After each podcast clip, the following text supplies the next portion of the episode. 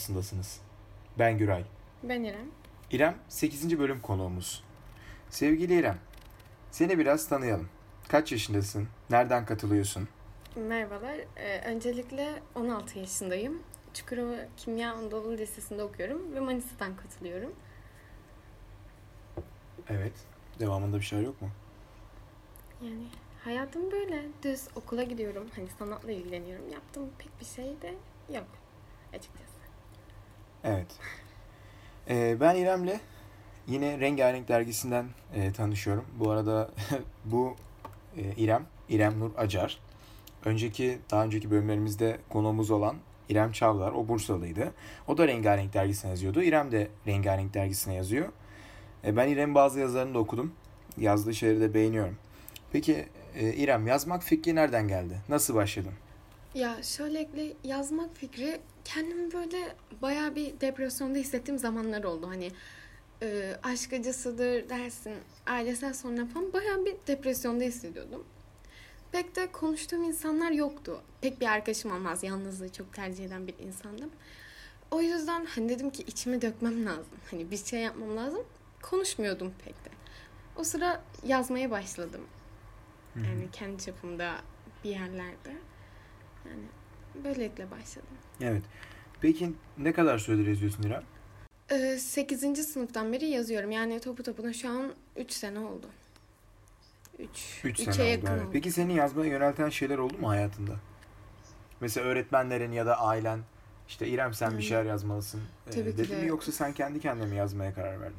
İlk ben kendi kendime yazmaya karar verdim. Sonra tabii ki de hocalarım birkaç şey fark ettiğinde İrem devam etmelisin işte senden bak böyle böyle olur yani şair olur ya da yazar olur için çok güzel bir şekilde hani kaleme dökebiliyorsun bazen dedi.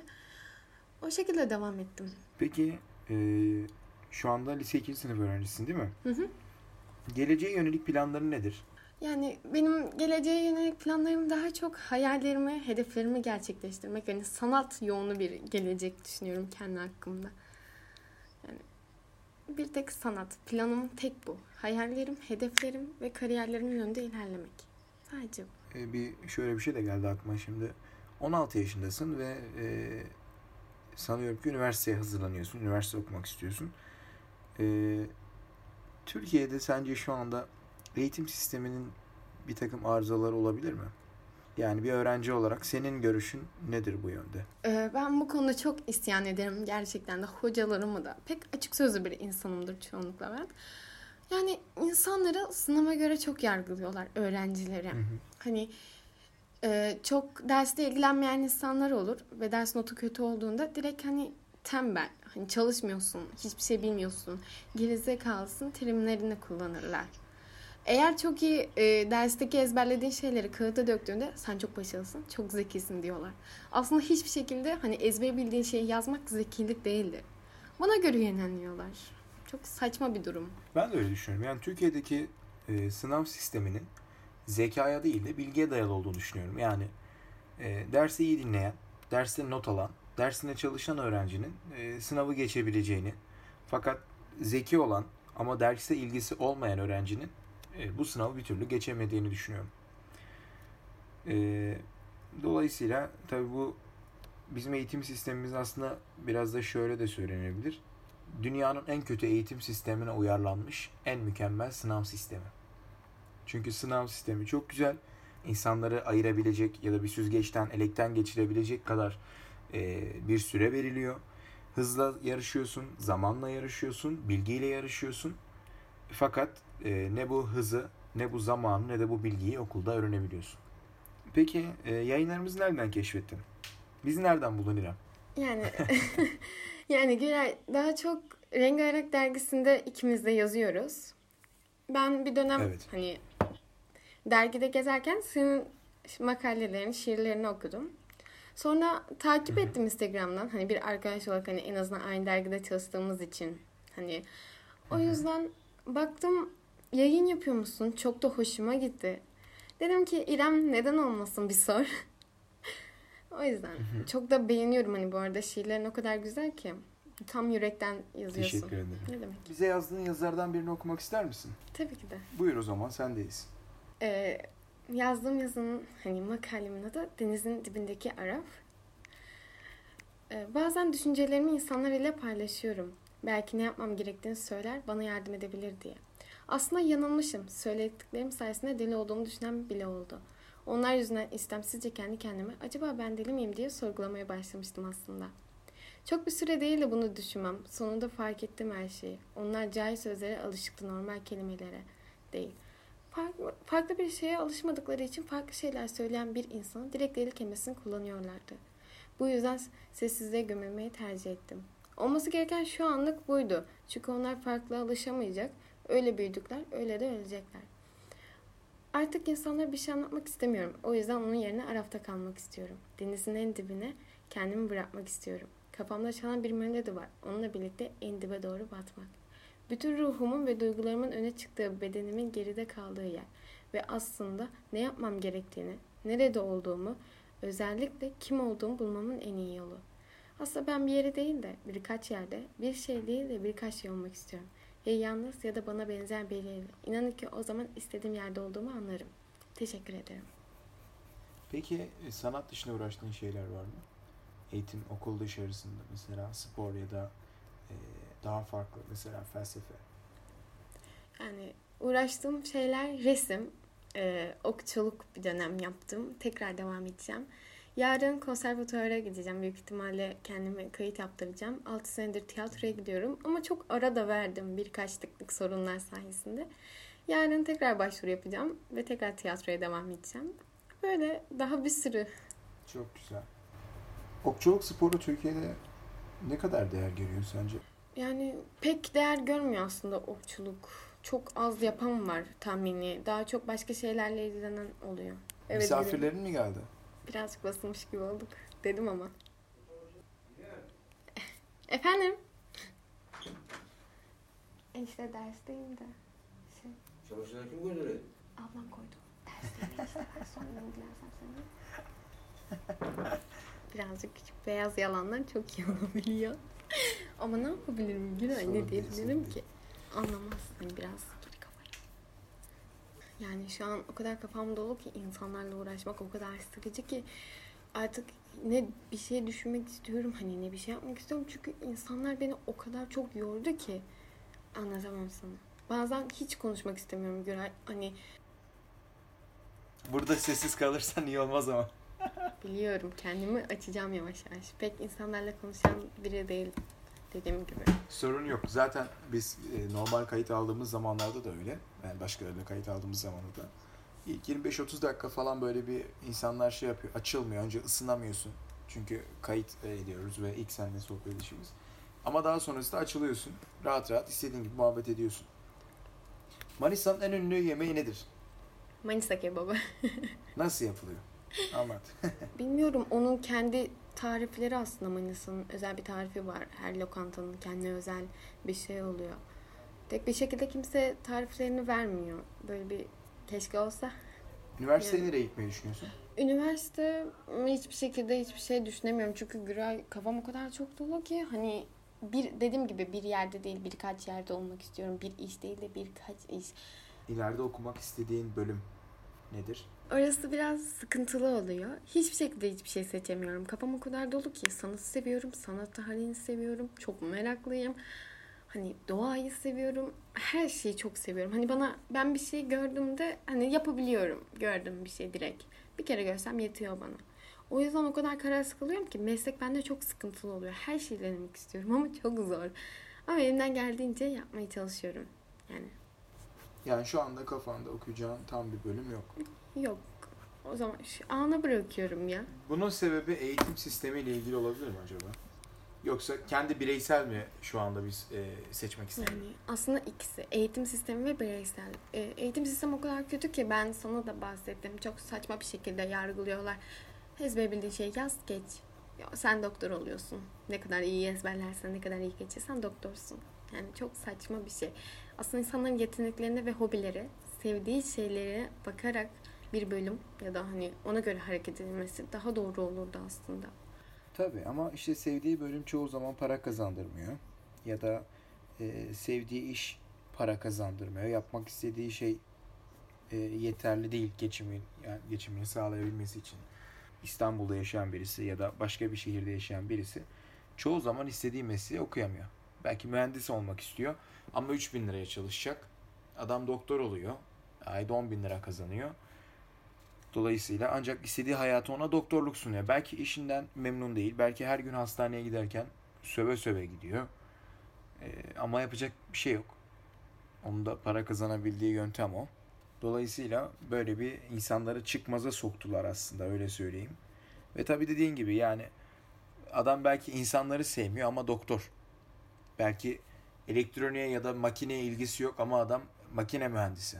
Ya da işte adaleti savunan bir adam değil ama avukat. Yani bu insanlardan ne bekliyoruz? Yani burası tabii işin farklı bir boyutu. Ee, yabancı ülkelerde insanlar genelde e, sevdikleri ve yatkın oldukları meslekleri seçiyorlar biliyorsun. Ancak Türkiye'de böyle bir sistem henüz yapılamadı. Yapılamıyor da çünkü 3 milyon öğrenci sınava giriyor. Türkiye'de 120'ye yakın üniversite var. Ya da 120'den biraz daha fazla bir üniversite var. Yeterli değil. Herkes üniversiteye yerleşince üniversitelerde yer kalmıyor. Ki zaten yerleşemiyor da yani 3 milyonun 2,5 milyonunu eliyorlar. Kalan 500 bini de üniversiteye gönderiyorlar. Ancak bu şekilde yetiyor. Yani bir bakıma haklısın. Yani şimdi ben e, şundan dolayı bunları sana soruyorum. Şu anda 10. sınıf öğrencisin. 16 yaşındasın. E, ve senin gibi dinleyicilerimiz de var bu arada. E, 17-23 yaş arası var. E, 23-49 yaş arası var. 50-60 yaş üstü var. Ve insanların e, 16 yaşında, 17 yaşında bir gencin üniversiteye hazırlanırken ya da lise eğitimi alırken yaşadığı zorlukları e, ve onun psikolojisini anlayabilmesi için bu tarz sorular soruyorum. Çünkü ben o dönemleri geçtim. E, yani lise benim için bitti. O kadar e, uğraş, çaba falan. İşte bir tane üniversitede okuyorsun. Çok da bir şey değişmedi yani. Yani çok güzel konuştun bu arada. Gerçekten bütün söylediğin şeyde de haklısın. Yani sistem bu. Yapacak hiçbir şey yok. Buna ayak uydurmak kimse istemezdi ama dediğim gibi yapacak çok bir şey yok çünkü. Türkiye'de yaşıyorsun. E, ayak uydurmak zorundasın. Artık burası senin e, kaderin olmuş. Ben hep bu konular açıldığı zaman hep şey diyorum. Yani ya bu sisteme uyacaksın ya bu sistemde bir dişli olacaksın. Eğer bu ülkeden çıkışın yoksa, bir biletin yoksa ya da bu dişliye, bu sisteme elini kaptıran aptal olacaksın. Yani sisteme karşı geliyorsun. Hepimiz geldik bir dönem. Ben de diyordum yani ne kadar saçma şöyle böyle falan. Hani düşsene adam tıp okumak istiyor. Bir öğrencinin hayali. Doktor olmak. Adamın e, üniversite hayatı boyunca görmeyeceği dersleri adama lisede zorla öğretiyorsun. Mesela şu anda benim tıp okuyan bir arkadaşım var.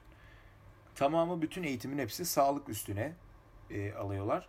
Fakat bu çocuk oturduğu zaman matematik sorularında sınavda 40 sorudan 38'ini doğru cevaplayabiliyor. Fizik sorularının işte 15 tanesini ya da 20 tanesini 18-19 tanesini doğru cevaplayabiliyor. Şimdi bu adam bir daha hayatı boyunca ne fizikle ne matematikle uğraşacak. Belki kimya ile çok çok az uğraşacak. Fakat bu adama bir lise öğretmeninin bildiği kadar matematiği, bir lise öğretmeninin bildiği kadar fiziği yüklüyorsun. Yani gerçekten gerek var mıydı? Yok. Sadece öğrenci elemek için insanlara hayatı boyunca bir daha hiç kullanmayacağı bilgileri yüklüyorsun. Ya ben şu anda iç mimarlıktayım. Benim hiç e, ömrüm boyunca kullanmayacağım şeyleri biliyorum. Yani mesela Gauss formüllerini niye biliyorum, niye öğrendim ben? Neden birden ona kadar olan sayıların toplamını öğrendim? Hiçbir fikrin yok mesela. Neden modern fizik öğrendim ki? Neden gama ışımasını öğrendim? Hiç ihtiyacım olmayacak. Öğrenciye alan üzerinde eğitim veremiyorlar. Örnek veriyorum bu adam tıp mı okuyacak? Tamam ya biz buna sağlık lisesinde verilen eğitim gibi. Öncesinde biz bu adamı yetiştirelim. Sağlıkla ilgili bir takım bilgi sahibi olsun. Ondan sonra sağlık fakültesine gönderin. Yani yurt dışında iş biraz daha böyle ilerliyor. Özellikle e, Amerika'da mesela insanlar okuyacakları alanla ilgili daha öncesinde kolejlere gidiyorlar. Örneğin işte mühendislik okuyacaksın. Mühendislik için matematik, fizik veya kimya alanında eğitim veren bir koleje gidiyorsun liseden sonrasında. 3 yıl boyunca sadece matematik ya da sadece fizik veya sadece kimya ya da bunların e, birkaçını birlikte öğreniyorsun. Daha sonra üniversiteye gidiyorsun. Bu senin üniversiteden önceki üniversite göreceğin derslerin alt eğitimini veriyorlar. Ama Türkiye'de böyle bir sistem yok. Adam belki konservatuvar okuyacak ya da örnek veriyorum herhangi bir yerde güzel sanatlar okuyacak. Adamın edebiyat ezberlemesini bekliyorsun. Ama adam belki fotoğrafçılık okuyacak, belki resim okuyacak, belki müzik okuyacak. Fakat bu adam edebiyatı ezberleyerek geliyor. Sırf eleme yapılabilmesi için. Aslında temelinde buna ihtiyacımız yok. İhtiyacımız olduğu kısım şu. Yeterli üniversitemiz yok. İnsanları gönderebileceğimiz kadar üniversite yok. Bir kısım öğrencinin o sene okumaması gerektiğini aslında karar veriyoruz. Yani 3 milyon öğrenci giriyor. Bunların 500 bini, 700 bini üniversiteye yerleşiyor. Kalan 2.3 milyon mezuna kalıyor. Yani tekrardan üniversite sınavına hazırlanıyor. Kalan belki 2.3 milyonun işte 300 binin ailesi diyor ki biz ikinci sene eğitimi hazırlanmanı karşılayamayız. Sen üniversite okuma. Belki çok zeki bir adam. e, belki çok e, bir, bir şeyi bir bakışta anlayabilecek bir adam. Fakat derslere ilgisi olmadığı için okumak istediği bölümü okuyamıyor ve ikinci sene ailesi gönderemiyor. Aslında bir bakıma yaptığımız şey o 700 binin dışındakilere hop kardeşim bir dakika üniversitelerde yer kalmadı sen seneye bir daha şansını dene diyorsun. O da ne yapıyor? Bir sene daha hazırlanıyor. Seneye işte sınava diyelim ki 2 milyon kişi giriyor. 2.3 milyonda mezuna kalan vardı. 300 binin ailesi ödeyemedi ikinci sene eğitimini. 4 milyon kişi sınava giriyor. Ve bunun 1 milyonu yerleşebiliyor. Kalan 3 milyon yine tekrardan hazırlanıyor. Yani bizim ülkemizde insanlar liseyi 4 yıl değil, liseyi 5 yıl okuyor aslında. Bir senede mezuna kalıp üniversiteye gidemediği için. Böyle bir eksiklik var. Tabii ki de doğru çünkü bunlar bir şey diyemiyorum. Çünkü doğru olanı söyledin. Yorumsuzum. Haklısın. Yapacak hiçbir şey yok çünkü burası Türkiye dediğin gibi. Yani burada olduğun için de buranın sistemine uymak zorunda bırakılıyorsun. Dolayısıyla dediğim gibi ya sisteme karşı çıkan olacaksın. Bu sisteme eline kaptıracaksın. Canını acıtacaksın. Ya da bu sistemde bir dişli olacaksın. Eğer bu ülkeden çıkış biletin yoksa. ikisinden birisi. Yani dediğim gibi çok samimi bir arkadaşım. Çocuk tıp okuyor. Çocuk çok iyi matematik biliyor, çok iyi fizik biliyor. Ya ömrü boyunca bir daha kullanmayacak ki. Bu çocuğun niye lise hayatı boyunca bu kadar kastınız ki? Ha, çocuk şimdi geldi. Burada terminoloji görüyor, histoloji görüyor. işte anatomi görüyor. E, Başka başka dersler görüyor. Hepsi tıp eğitimi üstüne, hepsi sağlık eğitimi üstüne. Bu çocuğu zorladınız fizik öğrensin, zorladınız matematik öğrensin. Okulda o eğitimi veremiyorsunuz. Aileler çocuklarına özel ders aldırıyor.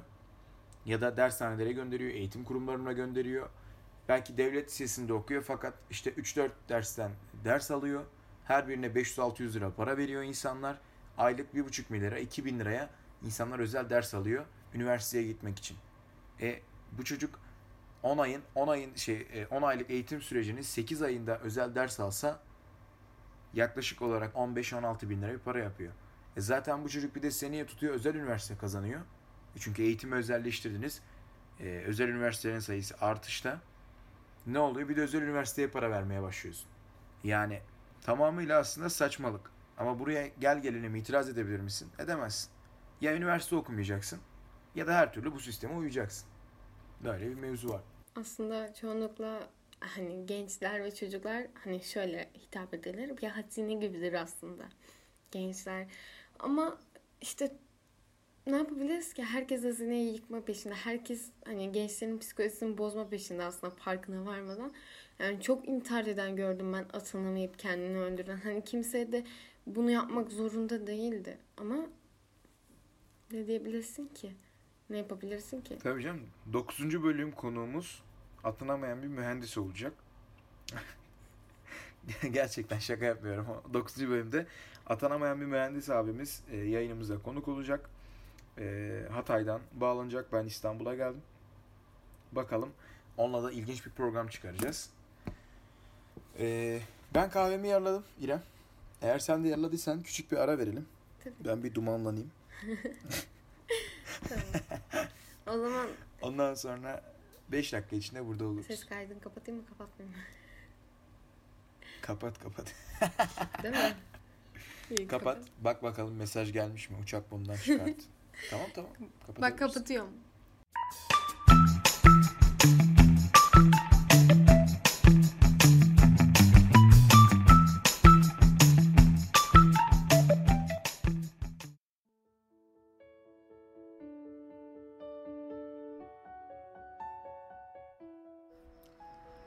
Sıcak tonların en güzeli gülüşün.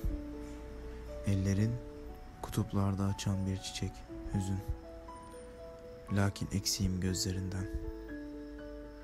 Martılarla uyandığım her sabah akıyor yaşlar gökyüzünden. Ağlamıyorum özlemim. Yarınlarını görmek istiyorum. Seni görmek istiyorum. Eksik uyandığım her sabah.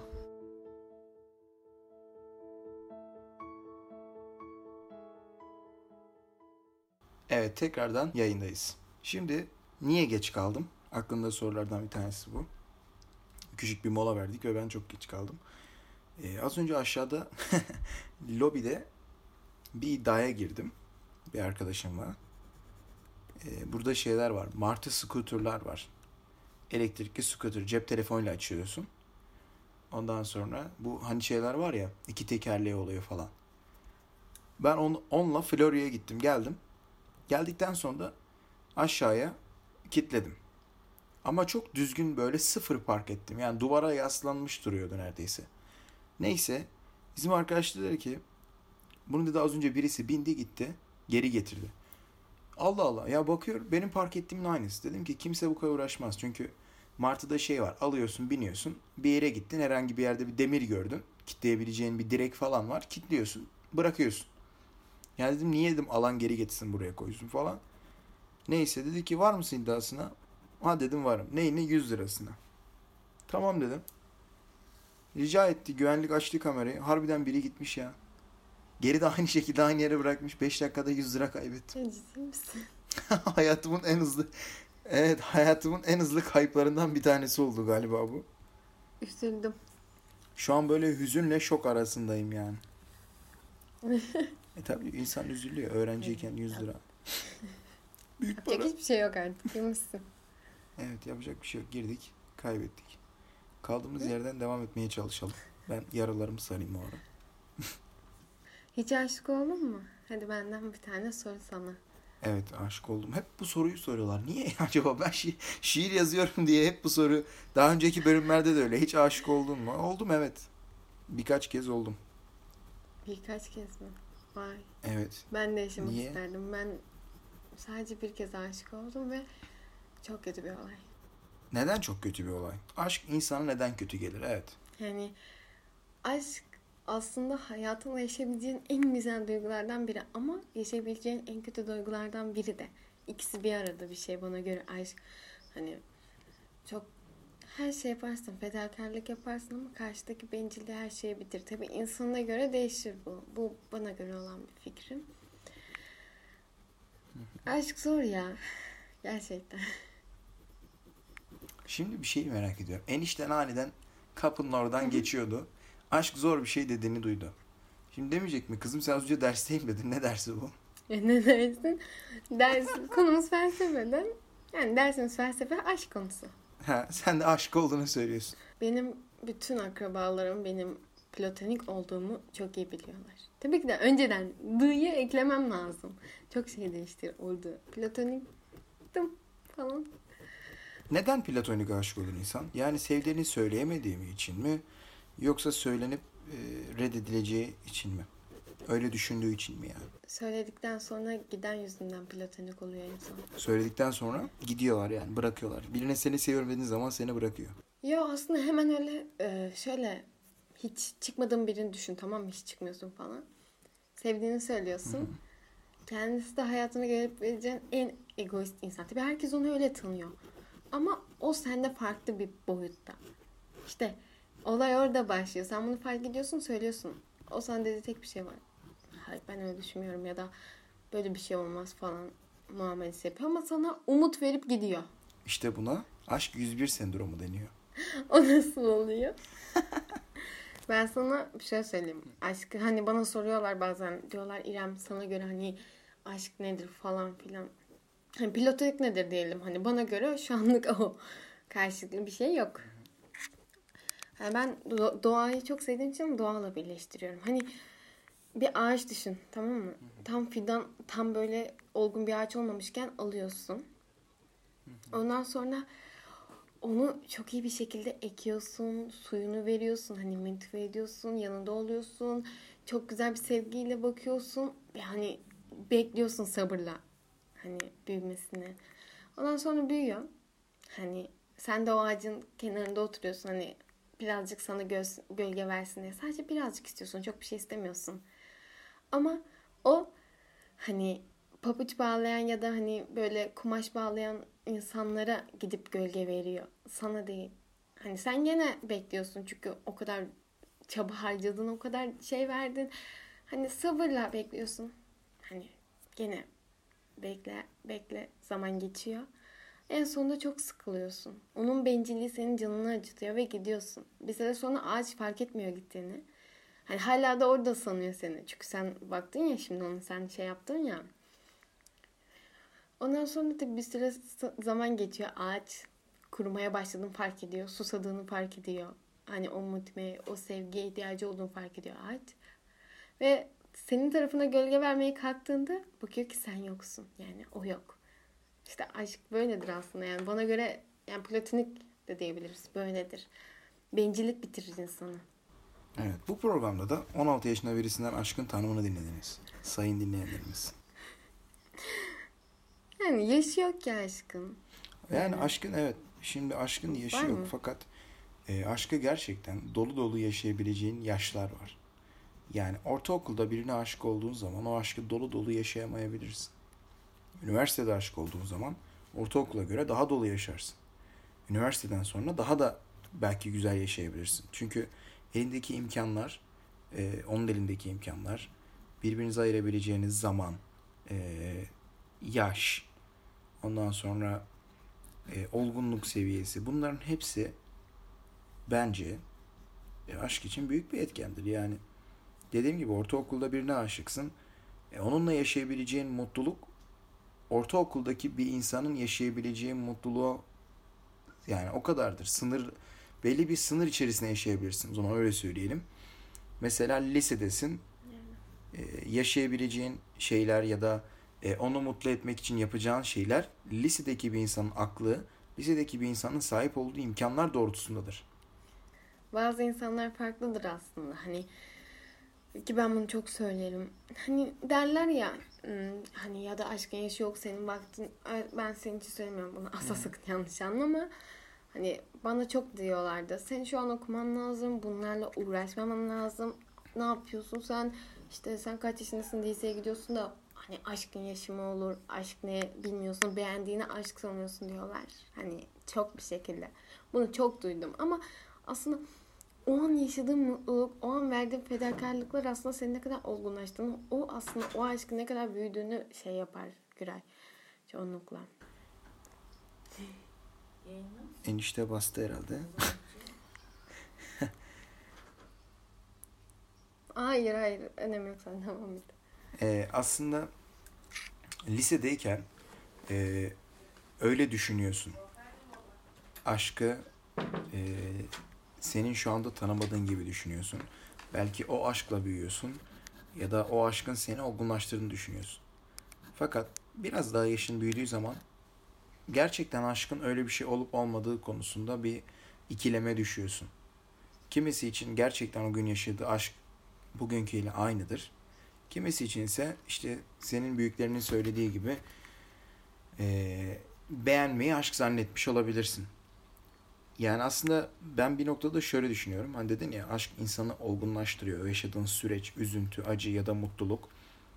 Ya da belki de olgunlaştığını zannediyorsun. O da olabilir. Gerçekten olgunlaşıp olgunlaşmadığını daha ileriki bir süreçte e, anlayabiliyorsun. Çünkü insan sürekli yaşamaya, büyümeye devam eden bir varlıktır. Sürekli gelişmeye devam eder.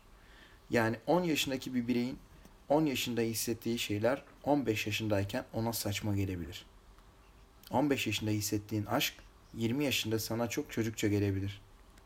Ya da 30 yaşına geldiğin zaman gerçekten aşkın bunların olmadığını, aşkın çok farklı, çok bambaşka bir duygu olduğunu düşünebilirsin.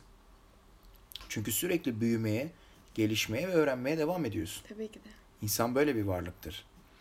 Dolayısıyla e, bir noktada ben de şu yaşımda e, ailenin düşündüğü e, fikirdeyim.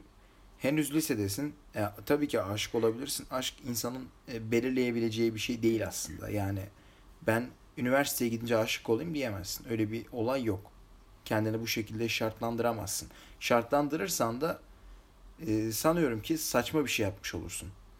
Fakat senin şu andaki önceliğinin bence de derslerin olmalı. Yani sadece senin için değil, lisede olan bir öğrencinin. Çünkü ben öyle yapmadım. Oradan biliyorum. Sen de yapma diye Yani. söylüyorum. Yani benim düştüğüm hataya sen düşme ya da bir başkası düşmesin diye söylüyorum. Dolayısıyla lisedeki bir öğrencinin bence şu anda yapabileceği en akıllıca, en mantıklı davranış oturup üniversite sınavına hazırlanmak, lisede gördüğü dersleri anlamak, onları öğrenmek, onları tekrar etmektir. Yine aşk yaşayacaksan derslerine engel olmadan yaşamaya çalışman Yani. lazım. En doğrusu bu sıradan yapacak hiçbir şey yok. 3 sene ya. 3 sene geçmiş üstünden İrem. Diyorum kendi kendime saçmalama artık sanatım var, hedefim var. Gitsene onların peşinde ve öyle de yapıyorum. Ya Sevmek bir, bir yere kadar geliyor. Hani göz görmeyince günü de katlanıyor. Her şey geçiyor. Ve umurumda olmuyor artık bir yerden sonra. Gene karşıma çıkacak aşk eninde sonunda belki de başka biri olacak. O yüzden ben şu an sanatımla, hedefimi, hayallerimin uğruna, kariyerlerimin ilerleyeceğim yani. Yapacak hiçbir şey yok. En sonunda aşk ya da sevgili ya da bir arkadaş her türlü çıkacak ama o hedeflerim ve hayallerim anlık. Yani bu da mesela bu da bence bir noktada yanlış bir düşünce. Elinde sonunda illa çıkacak. Çıkmaya da bilir. Çıkmasın. Ömür boyu kimse de karşına çıkmayabilir yani. 55 yaşına gelip de hiç kimseyle evlenmemiş, hiç kimseyle aşk yaşamamış insanlar yok mu? Var. Evet. Yani bu hayatın bir akışı. Senin onu bırakman lazım. Yani neyse o. Üniversiteden sonra da olmak zorunda değil. Ömür boyu da aşk yaşamayabilirsin. İnsanlar seni sevmeyebilir ya da seni çok da sevebilir. Belki sen onları sevmeyeceksin yeri geldiği zaman. Belki senin sevdiğin insanlar seni sevmeyecek. Ama bu zaten hayatın kendisi bu zaten. Yani tamamıyla tesadüfler üstüne kurulu olması. Yani birini kendini zorla sevdiremezsin. Biri, e, biri de seni zorla sevmez. Yani zorla seviyorsa o sevgi değildir. O başka bir şeydir yani. O saplantıdır. Belki bağlılıktır, sadakattir. Bunlara çok fazla kafa yormaktansa kendini geliştirebileceğin şeylere kafa yorabilirsin. İstersen buraları yayına da koymayabiliriz yani. Problem yok. Ha, çok şey gibi olur böyle. Öğüt vermek için yayına katılmışım gibi falan olur yani. Yani benim için hiç fark etmez. Ben, herkes beni biliyor. Evet İrem. Yayınımıza konuk olmak istedin. Biz de severek seni kabul ettik. Ee, ne, neler söylemek istersin? Nasıl hissediyorsun kendini? Yani kendimi az çok eğlenmiş buluyorum. Hani sanki iki bir arkadaş gibi konuşup hani sanki yayın yokmuş gibi buldum. Ya bu çok güzel bir şey. Ve bu arada çok teşekkür ederim hani beni çağırdığın hani ben istedim sen beni aldığın için çok teşekkür ederim yayınına. Estağfurullah. Buyurun. Çok eğlenceliydi. Hani ne diyebilirim ki o kadar güzeldi ki hani aklıma gerçekten bir şey gelmiyor. Bayağı iyi eğlendim. Bayağı da iyi şeyler öğrendim. Gerçekten az çok da olsa. Güzeldi. Ben bayıldım gerçekten. Ben teşekkür ederim yayınıma konuk olduğun için. 8. bölüm burada son buluyor. Sizler de Kahve Molası Podcast Instagram ve Twitter hesaplarından bana ulaşabilir. Soru, görüş ve önerilerinizi yazabilirsiniz. Kendinize zaman ayırın. Kahve molası dinleyin ve kahve için. Bir sonraki bölümde hayatın içinden muhabbetlerle devam etmek üzere. Kendinize iyi bakın. Kendinize iyi bakın.